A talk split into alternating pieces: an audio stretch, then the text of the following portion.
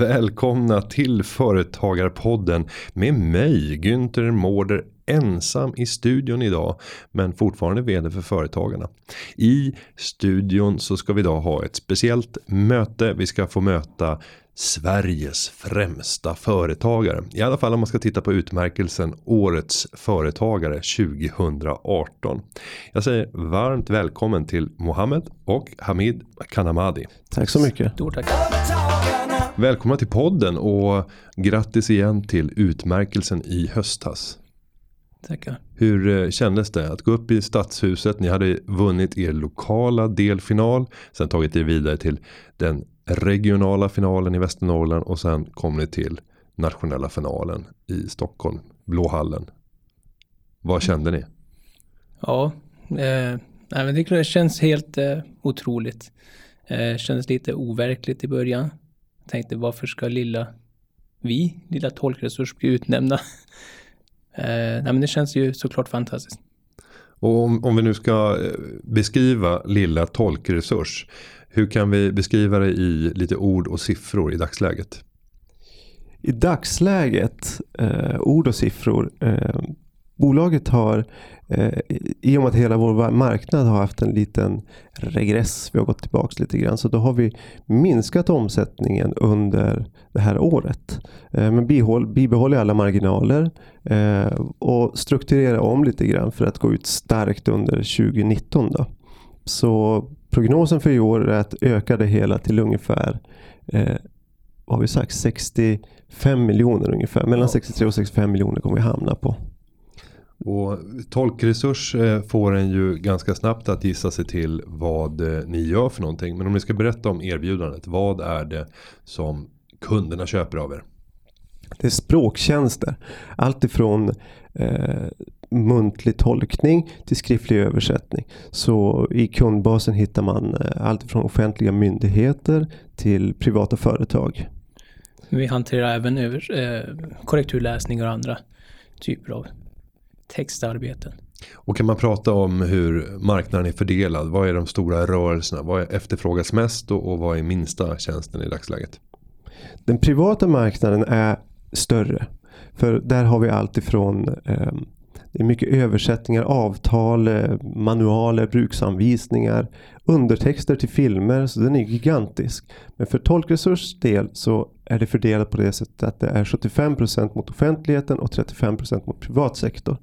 Så vi gör en ganska stor satsning på privatsektorn och försöker övergå till det.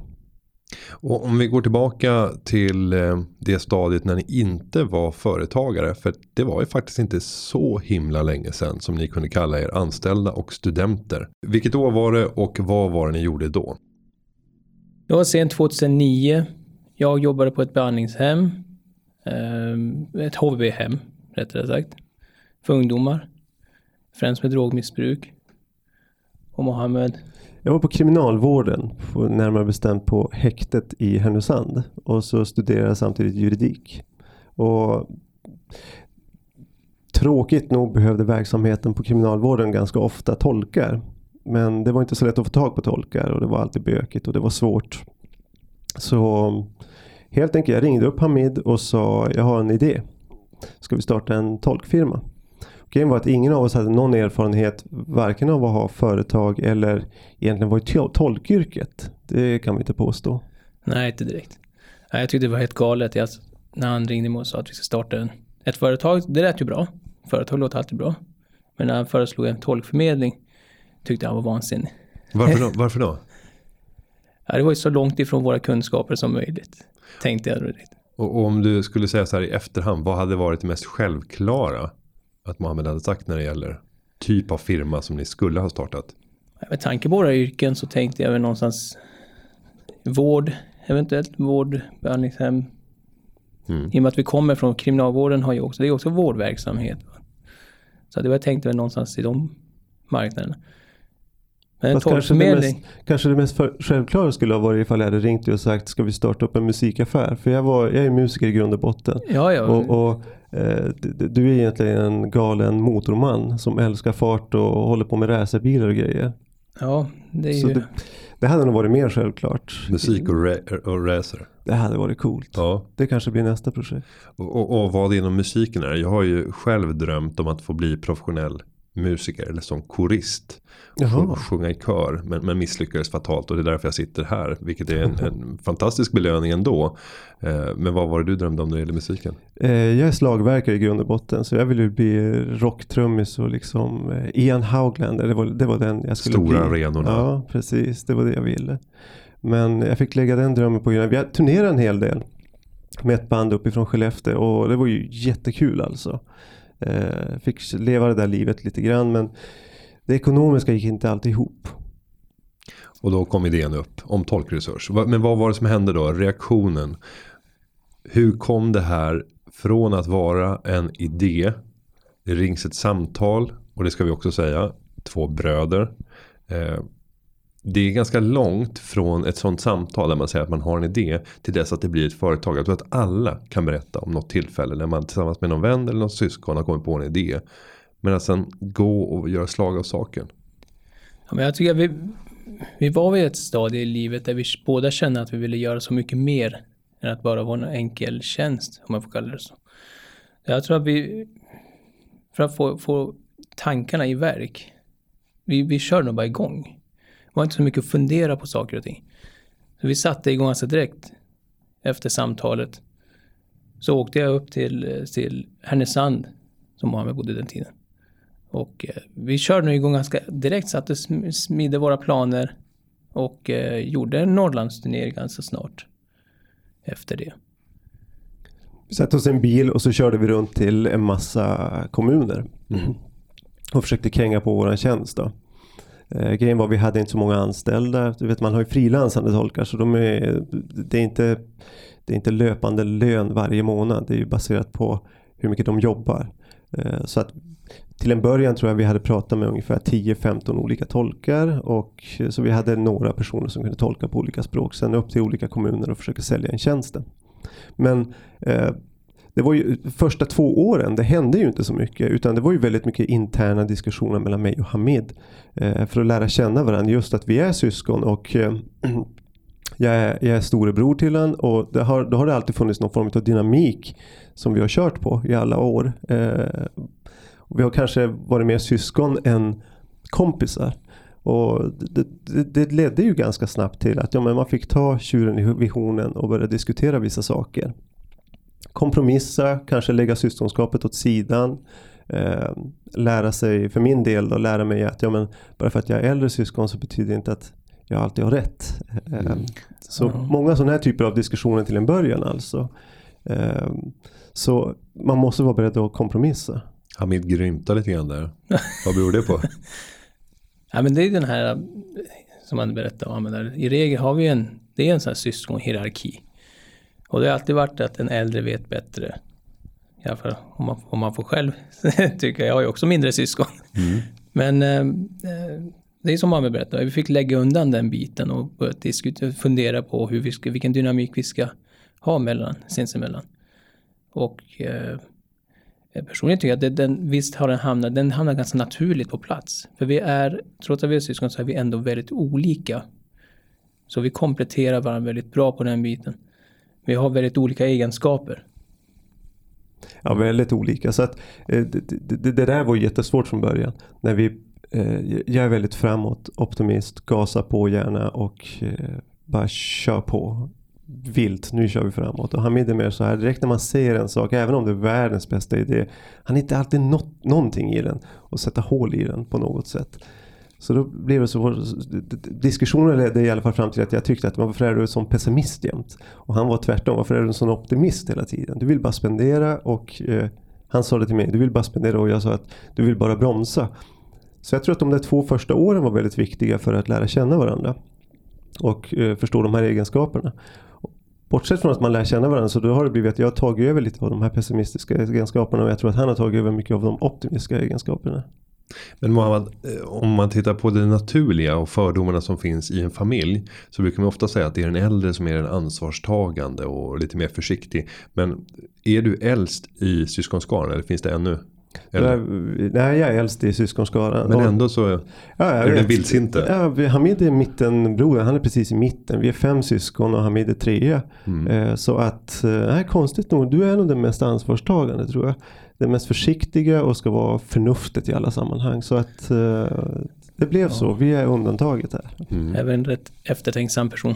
Mm. Sen brukar man ju vara, bli en bra medlare om man är där i mitten i syskonskaran. Sen Ja. är det väl den där sista som brukar bli eh, riktigt eh, bortskämd och får gasa på och allting löser sig. För det finns alltid äldre syskon som kan ta Ja, hand men om den, en. den Stackarn, beskrivningen stämmer nog ganska bra in på vår familj. Ja, det gör det. Fem syskon. ja. Så det finns vissa stereotyper i alla fall. Men om vi då går tillbaka till det ni började göra när ni reste runt. Det var ju lika delar försäljning, lika delar marknadsundersökning misstänker jag. Eh, v- vad, hur såg livet ut? Hade ni sagt upp er från era jobb eller var det en mjuk start? Att ni gjorde en successiv övergång och hade lite löpande kassaflöden från Ja, men i och med, jobbet? I och med Mohammed, vi, vi, den första frågan vi tog upp, det var ju viktigt i och med att jag bodde i Stockholm och han bodde i Härnösand. Så då kom, då kom ju, naturligt kom den frågan klar, vart ska vi starta företaget? Vart ska sätet finnas?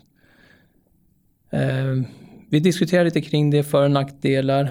Och eh, precis som du nämnde här, under, medan vi gjorde de här marknadsundersökningarna så insåg vi att eh, den norrländska marknaden, för privat sektor i alla fall, den var ganska öppen. Det fanns ingen privat tolvfamilj norr om Gävle då. Ja. Och vi, vi, vi kände direkt där att det finns en öppen marknad för oss. Kunna komma in och ta den. Och, och mycket riktigt tänkte vi helt korrekt. Va? Mm. Så att då följde naturligt att vi ska starta och sätta sätet för bolaget uppe i norr i Härnösand. Eh, Dels av det, som sagt, anledningen vi var ensamma och dels för att de andra konkurrenterna koncentrerar så mycket på storstadsregionerna. Och trots att ni har vuxit rejält så har ni ingen omfattande verksamhet i Stockholm vad jag förstår. Nej, det har vi inte. Eh, vi skulle egentligen ha haft det. Förra året så eh, deltog vi i en upphandling som Stockholm läns landsting gjorde. Och eh, vi kom i rangordningen. Ganska högt upp också. Men tyvärr blev den överprövad och det fastslogs att den ska göras om. Så den kommer ut i år igen. Då. Men vi kommer att delta igen. Så definitivt ska vi ta marknadsandelar i Stockholm under det här året. Om vi går in på just den typen av affärer, offentliga upphandlingar, så är det många småföretagare som backar från det och är livrädda för all byråkrati, dokumentation som finns kopplat till just offentliga upphandlingar. Vad har ni att säga till alla de här företagarna som har ett erbjudande som skulle funka? Varför ska de göra det? Offentlig upphandling kan eh, till, en, till en början, den är skrämmande. Eh, vi visste inte ens vad det betydde när vi började med det. Så att eh, det, började med att vi köpte, eller jag köpte en bok för 150 spänn tror jag. Eh, som beskrev den och jag läste den perm till perm, alltihop. Det är inte så svårt, bara man arbetar strukturerat. Jag tycker om offentliga upphandlingar och lämna anbud. Det finns så bra verktyg numera man kan använda för att lämna anbud och det är inte så svårt. Men man ska definitivt vara påläst. Och jag menar det är, inte så, det är, inte, det är ingen stor investering att köpa en bok för 150 eller 250 spänn och sätta sig in i det. Det krävs två veckor bara plöja igenom den och eh, sen påbörja eh, skriveriet utav ett anbud. För tjänsten eller produkten som man ska sälja den kan man ju bäst själv. Det kan ju inte myndigheten. Eh, att man ställer mycket frågor till upphandlaren det är också väldigt viktigt. I ett tidigt stadie. Eh, så att man kan, man kan faktiskt vara med och forma de här upphandlingarna väldigt mycket. Så jag tycker inte man ska vara speciellt rädd för dem. Nej, sen tycker jag för att man ska, man ska våga söka upphandlingar. Var inte rädd för att få förlora dem. Men om vi tar några praktiska exempel. Hur är bästa sättet för att se till att få en update om vilka offentliga upphandlingar som går ut och där jag kan lämna anbud? Det finns ju en mängd olika verktyg man kan använda. Eh, Visma Opic till exempel via Tensign. De, man skriver in sina SNI-koder och i den tjänst eller produkt som man sysslar med. Och då får man eh, meddelande om när någon myndighet går ut i upphandling. Mm. Eh, så att det finns ju massvis med sådana typer av Mm. leverantörer. Nu ska vi inte säga att någon är bättre än någon annan. Men eh, sådana typer av tjänster helt enkelt. Mm. Man köper in de tjänsterna. Och sen nästa steg är de här anbuden som man lämnar in blir väl offentlig handling. Mm. Hur mycket begärde ni ut andras anbud för att på så sätt kunna se hur formulerar de sig, hur bygger de upp strukturen i anbudet och liknande. Ja, men det är precis det jag menar med att man ska, man ska inte vara rädd för att söka anbuden, utan det är en bra erfarenhet. Du söker anbuden och i och med att de är offentliga så kan du begära ut konkurrenternas och ta del av dem och ta lärdom av dem. Att det är viktigt att söka och så plockar man ut dem en efter en, studerar dem, ser vad man gjorde fel, vad kunde man förbättra för att för nästa lämna ett bättre anbud. Och en kritik som jag ofta får höra från, eh, från företagare som, som ratar offentliga upphandlingar är att det är ändå bara pris de går på.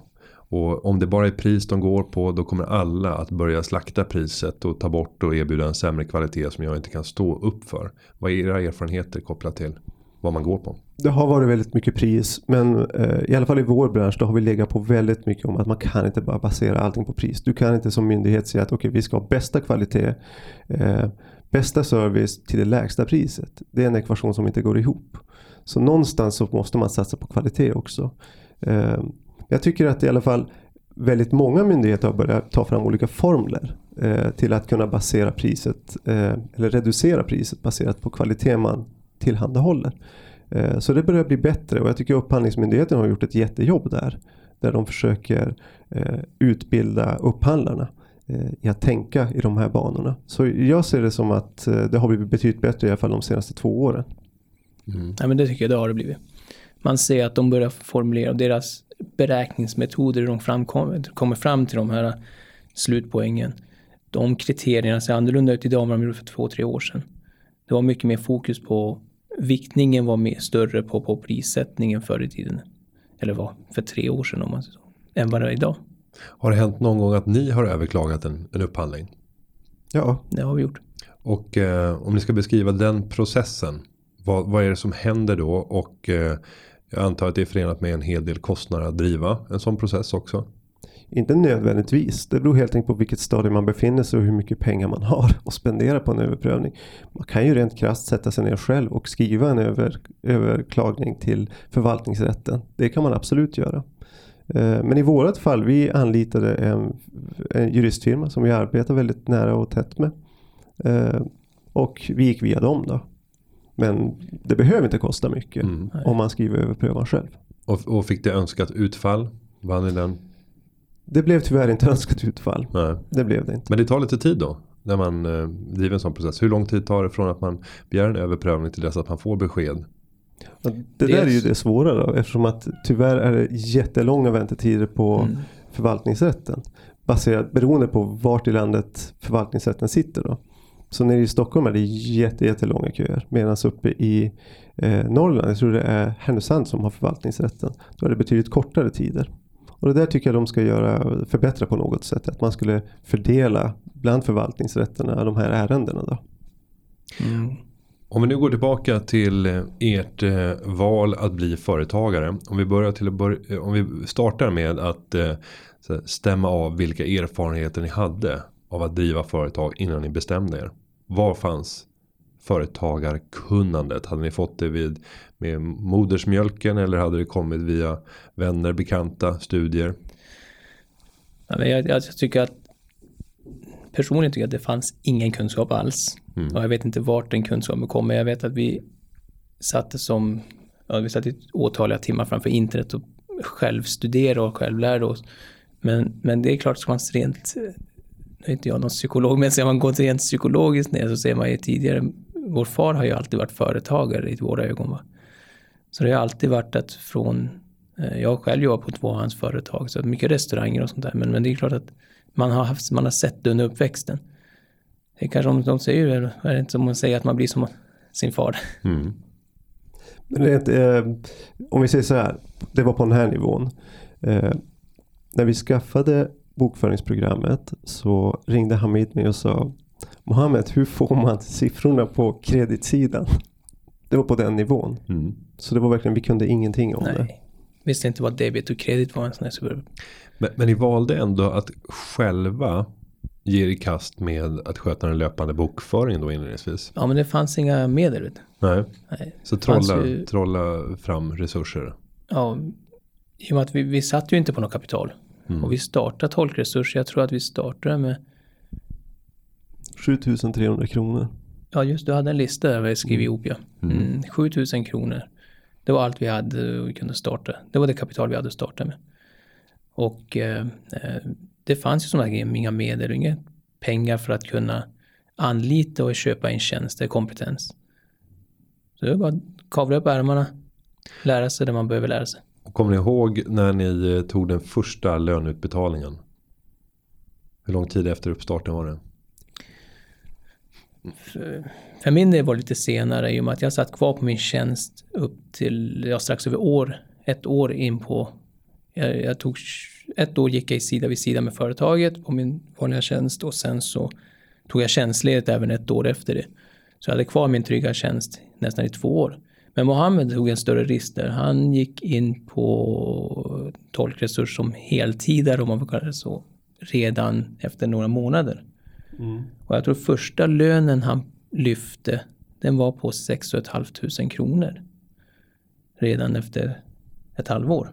Stora pengar. Ja, Ja. efter bara ett halvårs jobb så kunde du fläska ut den, den lönen. Exakt. Och- Men känslan, oavsett storleken på den lönen, kan du, kommer du ihåg? Kan du beskriva den känslan? Absolut. Det var, det, det var, för det där, det där det var ganska häftigt eftersom att vi hade liksom skapat pengar ur ingenting. Det var så det kändes. Eh, och en sån otrolig stolthet att kunna plocka ut lön ur sitt eget företag. Eh, det, det, var- det var fantastiskt att få ta den där lönen. Då. Eh, även om det var 6 500. Det var, man var stolt över de pengarna. Och det är ganska långt bort från den tiden vi är i idag. Trots att det inte har gått speciellt lång eh, tid i år räknat. Känslan idag då? Kommer ni fortfarande ihåg de där tillfällena där man när ni fick slita djur för att kunna få den här lönen på 6-7 tusen kronor? Såklart. Och jag måste få säga att den, den tiden var faktiskt bättre. Jag tycker det. Den var bättre till och med. Den tiden var bättre. Vi älskar att vara underdogs. Ja. Det finns ingenting bättre än när man får hugga underifrån. Eh, och, och att, att det, det var som Hamid säger, det var en mycket roligare tid. Eh, att konstant vara i samtal, att eh, ja, men hur lyfter vi upp oss, hur gör vi si, hur gör vi så, det var så många nya intryck. Det är inte så att vi kan allt om vår bransch än, det finns fortfarande saker att göra. Men då var det, det var nytt varje dag. Idag är det ju inte, lika, det är inte likadant längre. Mm. Och det blir mer av förvaltande karaktär när man kommit upp till en viss storlek. Va? Och det blir ett helt annat jobb jämfört med att försöka lösa varenda problem som dyker upp en ny morgon. Absolut. Precis. Men om man då tittar på era långsiktiga ambitioner. Vad tänker ni kring tolkresurs? För om ni då säger, nu tänker jag lite högt här. Men om ni uttrycker att det var roligare under den tiden. Där det var väldigt mycket problem som skulle lösas. Så att eh, verkligen få ta det framåt. Än i den större mer förvaltande fasen. Då får det mig att tänka att ni skulle inte vara främmande för. Att eh, i en framtid avyttra tolkresurs för att sen kasta det på ett nytt projekt och få göra motsvarande resa men kanske i en helt annan bransch. Har jag fel eller rätt? Nej, då har du nog prickat ganska rätt på vår person. Vi, jag tror att det, vår entreprenörsanda, om vi får kalla det, den, den, eh, vi har, ja, omformulering, vi har, vi har diskuterat frågan såklart. Och den tanken slår oss. Ni låter som en politiker. Ja, lite grann. Ja. Vi är helt enkelt byggare. Det är inte så att vi... Språkbranschen är kul, den är intressant. Men det är inte så att vi brinner extremt mycket bara för den. Utan eh, vi älskar att bygga saker. Spelar ingen roll egentligen vad det är för någonting. Det kunde ha lika gärna varit, vet jag om vi hade kommit på att bidéer hade varit bristvara 2009 då kanske vi hade sysslat med det istället. Så helt enkelt, vi älskar att bygga saker. Eh, Den här utmaningen att ja, men hur plockar vi ut den här eh, ut i en marknad och skaffa kunder.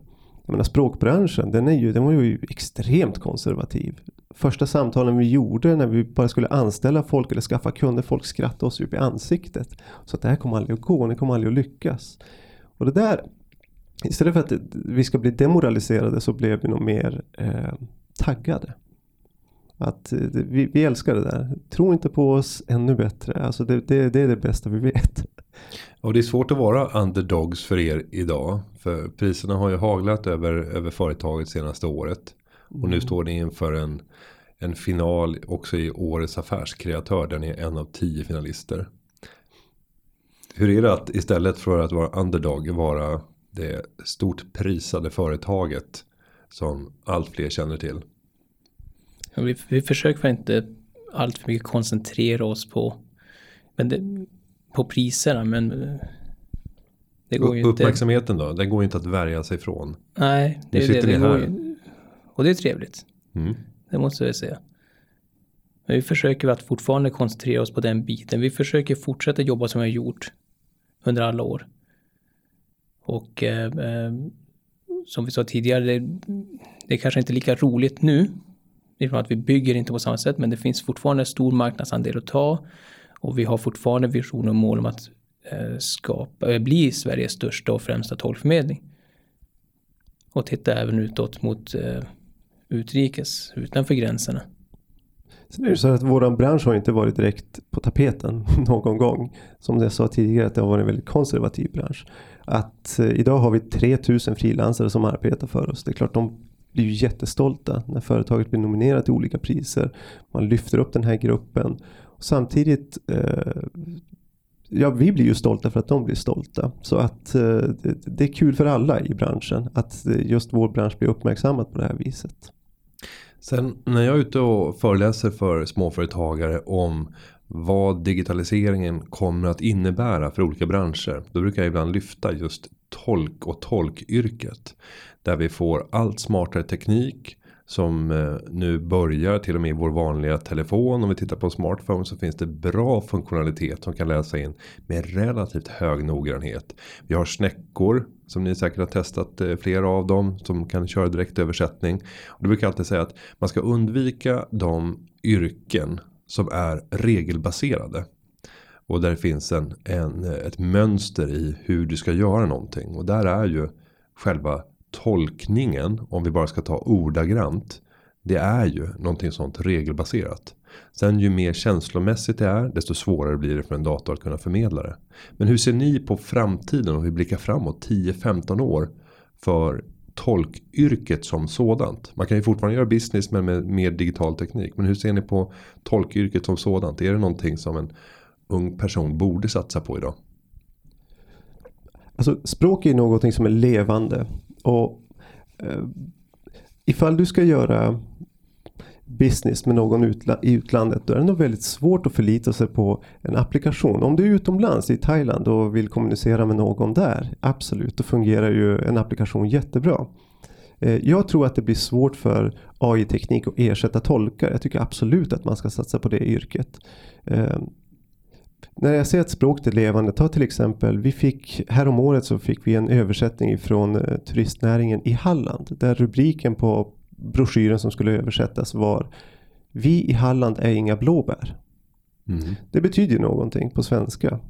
Men hur skulle du översätta det här? Ta essensen av det och översätt det till tyska, franska, engelska, eh, ryska. Det är väldigt svårt. Jag tror att eh, innan vi har hittat tekniken som kan hjälpa oss med de här bitarna. Det kommer att ta jättelång tid. Eh, I affärssammanhang, eh, fler och fler börjar använda sig av tolkar. Eh, jag älskar att ta upp det här exemplet. Jag tror det var Karl-Henrik Svanberg som var BPs styrelseordförande ställde sig framför Vita huset och sa We care about the small people. Mm. Vilket vart eh, ramaskrik eftersom att han uttryckte sig fel helt enkelt. Det hade en helt annan betydelse i USA än vad det har på svenska. Vi bryr oss om den lilla människan. Mm. Eh, så att helt enkelt, även om vi i Sverige är duktiga på engelska eh, så vi är inte så duktiga som vi tror att vi är. Språk kommer alltid att behövas för det är så pass levande. Och hur tänker ni kopplat till digitalt och teknikinnehåll när det kommer till era tolktjänster? Hur ser erbjudandet ut idag och var är det ni lägger resurserna framöver för att utveckla nya typer av tjänster? Eh, vi kommer såklart att, precis som marknaden utvecklas med, med all digitalisering, så kommer vi också försöka anpassa oss i framtiden också. Vi är själva väldigt aktiva på den fronten, försöker tänka innovativt och försöka utveckla system som kan eh, ja, allt effektiviseras och digitaliseras. Och precis som du nämnde, vi har ju testat de här funktionerna, men som Mohammed säger, det finns ingen, inget digitalt verktyg som i dagsläget kan hantera ordspråk och kän förmedla känslor och sådana saker. Så att eh, en på lång, på många år tror jag vi klarar, alltså marknaden kommer inte kunna hanteras med endast digitala verktyg. Men man kan använda det som ett komplement såklart och försöka underlätta för kunderna på många sätt. Mm. Och vi blickar mycket mot att försöka digitalisera och effektivisera framöver. Vi satsar mycket eh, själva, vi har tolkresurser, vi är aktiva på den fronten och försöker utveckla. Och om vi tittar på ert erbjudande idag, hur mycket jobbar ni med videoteknik för att kunna få access till tolkar som kanske inte kan vara på plats? Och... Vi själva har satsat väldigt mycket på det och vi har, eh, vi har utvecklat tekniken så att den fungerar felfritt. Eh, men att försöka sälja den till kunder, det är svårt. Eh, det är svårt att få myndigheter att anpassa sig efter den här tekniken. Eh, vi var lite blåögda från början och tänkte att okej okay, nu när vi har plockat fram det här så då kommer ju alla haka på den. Vi glömde att ta i beräkningen att ja, men om en landsting eller en kommun ska hoppa på den här tekniken det innebär för dem en ganska stor investering också i hårdvara. Till exempel webbkameror eller ljudupptagningsmikrofoner och så vidare. Eh, och de är inte lika benägna att gå lika fort framåt som vi vill. Så att man får ligga på ganska mycket. Tekniken finns idag eh, men vi måste helt enkelt vänta på att eh, myndigheterna hakar på också. Och har jag fel när jag säger att det, det finns regelmässiga delar som har begränsat er tillväxt när det kommer till tillämpningen av ny teknik? Absolut, videotolkning är ett av dem. Och, och vad är det som stoppar? Det, det, är just, det är just viljan för myndigheten och göra en större investering. Vi säger ju alltid att Ta videoteknik exempelvis. Ifall Stockholm läns landsting skulle använda videoteknik istället för att ha människor som kommer till dem hela tiden. Det skulle skona miljön så oerhört mycket. För du behöver inte skicka lika många människor som eh, åker bil eller vad det nu är. Eh, och restiderna och kostnaderna för landstingen skulle gå ner successivt år efter år. Men till en början skulle det vara ganska dyrt för eh, myndigheten för de måste investera i hårdvara. Och om jag nu fortsätter som en eh, djävulens advokat att försöka hitta hål och tillkortakommanden när det gäller framtiden för tolkyrket. För finns det inte en risk nu att vi kommer att få digitala plattformar när beställarna är mogna för att faktiskt köpa den här tekniken. Och sen så finns alla frilansare på den här plattformen och likt ni vet de här som jobbar på timme och är vikarier i skolan. Och när man får ett sms på morgonen och får besked om man har ett jobb eller inte. Likt det så sitter man på plattformen och bara väntar på att det ska trilla in ett uppdrag med just mitt språk. Det är där jag har mina kunskaper. Och sen så får man ha ett pris. Där det är ett snabbt auktionsförfarande. Där man sen väljer utifrån vilken stjärnmarkering har du från 0 till 5 av tidigare uppdrag antalet uppdrag utförda och sen en pris kopplat till den här tjänsten där du själv kan vara flexibel i prissättningen beroende på hur din dagsagenda ser ut. Mm. En sån här utveckling skulle ju för någon som sitter med de här språkkunskaperna vara en mardröm för marknaden blir extremt effektiv.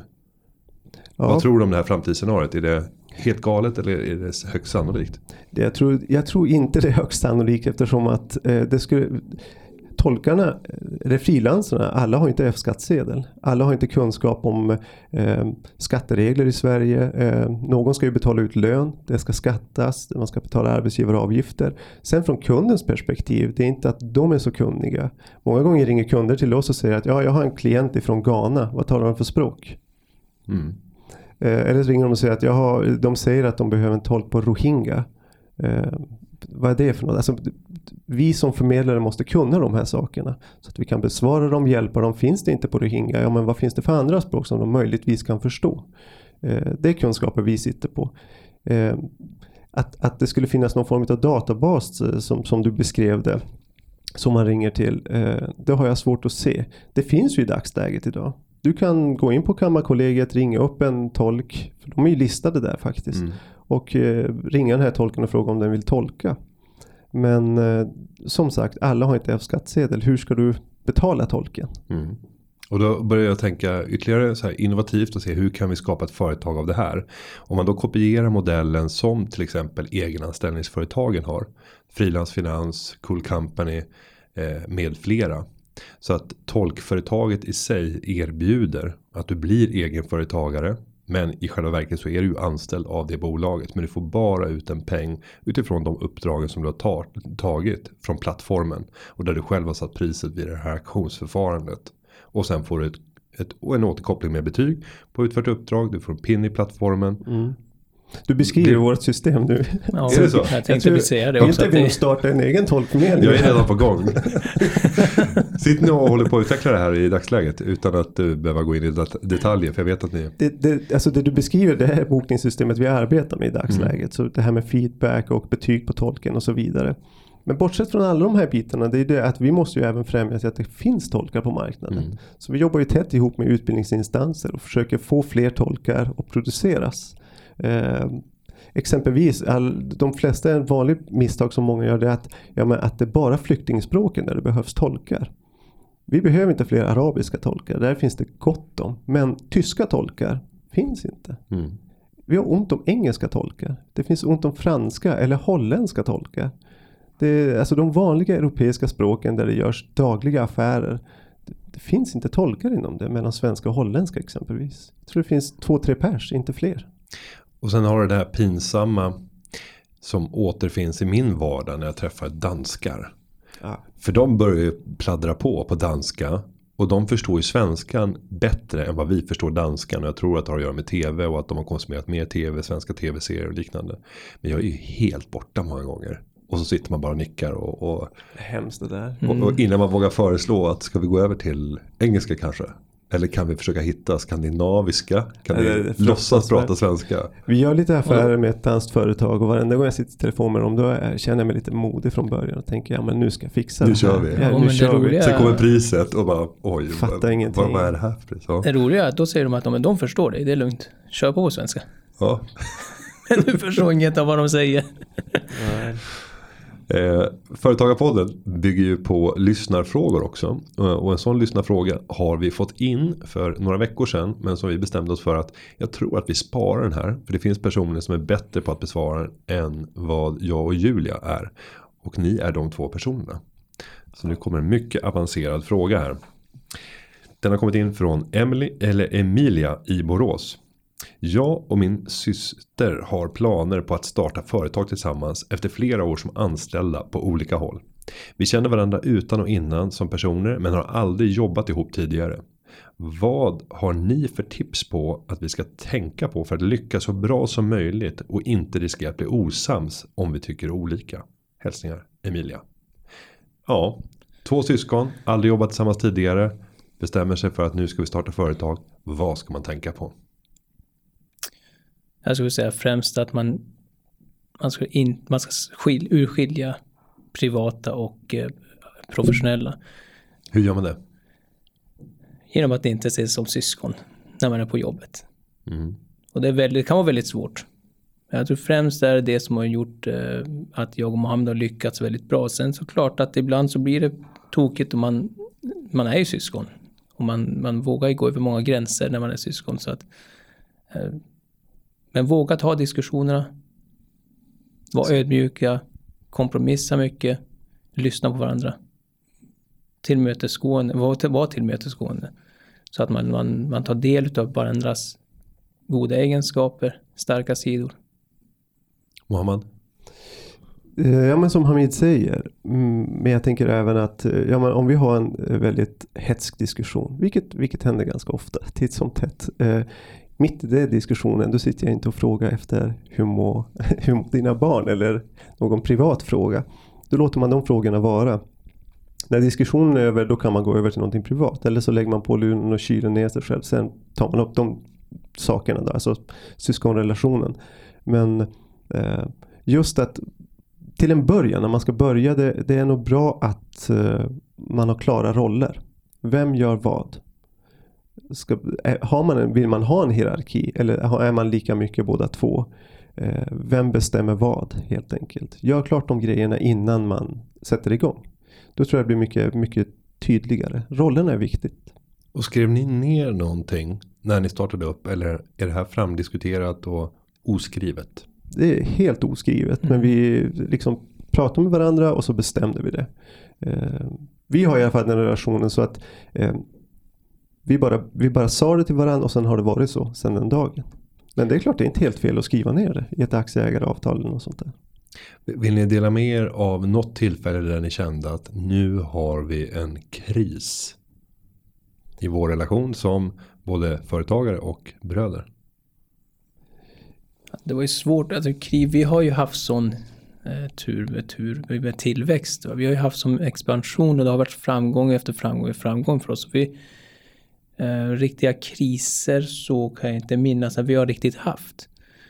Det har varit fokus, full fokus på, på expansionen. Vi har hela tiden haft hett om öronen. Eh, jag vet inte, är det något du kan tänka? Jag kan inte komma på att vi har haft kris på det sättet. Alltså vi är ju väldigt verbala och, och båda, båda två kan höja rösten ganska rejält. Alltså visst vart heta diskussioner har vi haft. Absolut. Det händer fortfarande och det har vi ganska ofta. Frekvent, Ja. Vad säger människor som är runt omkring er? Andra anställda på. De är livrädda. De är det? Speciellt, ja, det- speciellt när, när jag sitter i telefon och, och alltså vi kan ha en vanlig diskussion men de tror att vi storbråkar. Nej, men det kan gå hett till, vet du, man måste. Det är svårt att komma till slutsatser Ja. med sitt syskon. Men, det är klart att om du frågar min fru så är det annorlunda.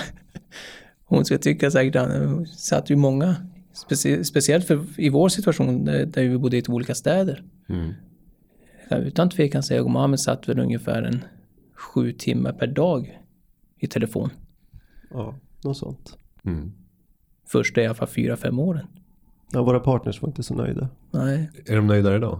Det är de nog absolut, det Ja. tror jag.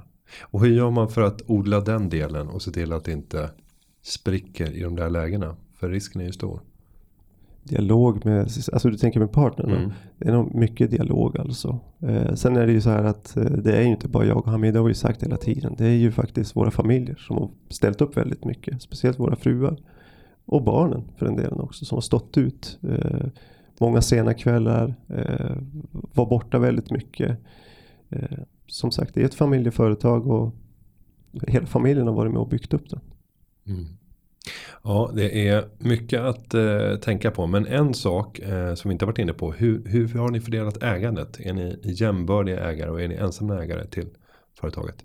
Vi är ensamma ägare, vi har 50% var. Var det helt självklart när ni startade upp att det skulle vara så? Absolut. Ja. Och det har aldrig vållat någon diskussion där man har tyckt att den ena har jobbat mer än den andra. Och, Inte en sekund. Nej. Tror jag. Nej. Nej, och det är som Mohammed sa tidigare, vi har aldrig tänkt, vi har inte diskuterat titlar, vi har inte haft, det har varit en ganska platt plattform för oss och vi har inte, titt, det har inte funnits någon riktig hierarki. Eh, tydliga arbetsuppgifter, självklart, men, eh, och fördelning av sådana, men, men aldrig någon titelfördelning. Jag har fokuserat på vem som ska vara vd, vem som ska vara ordförande och vem som ska vara det ena och det andra.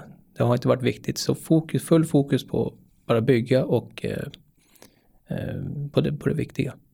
Sen är det så att livet fortgår ju. Kriser kommer ju i livet, så är det bara. Så nu har vi haft det här företaget i tio år. Det har funnits kriser i Hamids liv, det har funnits kriser i mitt liv. Har jag en kris, ja, men då tar han över lite mer. Och tvärtom, om han har en kris då. Eh, så det, har, eh, det är outtalat. Så även om en av oss jobbar mer under en period så tar den andra igen sig. Mm. Ja, men ett, ett tips kan väl vara att eh, ha diskuterat igenom eh, de här delarna om man är syskon. Att förstå hur ska vi separera på de här rollerna. Och, och jag brukar säga att det är sällan någon nackdel att faktiskt också, även om ni inte har gjort det, att teckna ner på papper. Om det här tillfället inträffar, då det blir en stor konflikt. Att kunna backa tillbaka och säga, vad sa vi om, det här hände, om, om den här händelsen som vi absolut inte ville skulle inträffa. Faktiskt skulle Absolut, hända. det är en sund grej. Varför inte? Mm. Det, ja, det tycker jag. Men om jag får referera till, jag läste en, ett, ett citat från Arnold Schwarzenegger. Ja. Han sa så här, va? att han sa du ska aldrig lägga upp en plan B. Mm. För då koncentrerar du dig på plan B. För oss fanns det inget alternativ med det sagt. va. Det var bara plan A och fokus. Vi ska lyckas med det, här, vi ska klara det. Så det var bara att göra. Ehm, fanns inte utrymme för att diskutera. Nu har jag gjort mer. Jag har lagt 20 timmar mer den här veckan än vad du har gjort. Sånt här, det var inget att diskutera för oss. Men det är klart att eh, det är aldrig fel att skriva ett avtal. Mm. Ja, men fundera igenom, prata, se till att kunna separera rollerna. Ni verkar ju bara ett sånt här tips om att eh, inte blanda det privata och professionella utan man kanske lägger på luren, låter allting på det jobbmässiga fronten sjunka in lite grann och sen tar upp ett samtal som blir av helt mer privat karaktär. Helt klart. Eh, Ja, många smarta tips här idag och eh, Mohammad och Hamid, stort tack för att ni har kommit till Företagarpodden. Ja, själv. jag ska, Tack för att vi var där. tack, tackar. Jag ska också säga att eh, podden har förberetts med ett underlag av David Hagen och klippningen den är gjord av Gustav Dalesjö. Vi hörs igen nästa vecka. Tack och adjö. Företagarna. Ja, ja, ja, ja, ja, ja. dagarna. Ja, ja, ja, ja, ja, ja.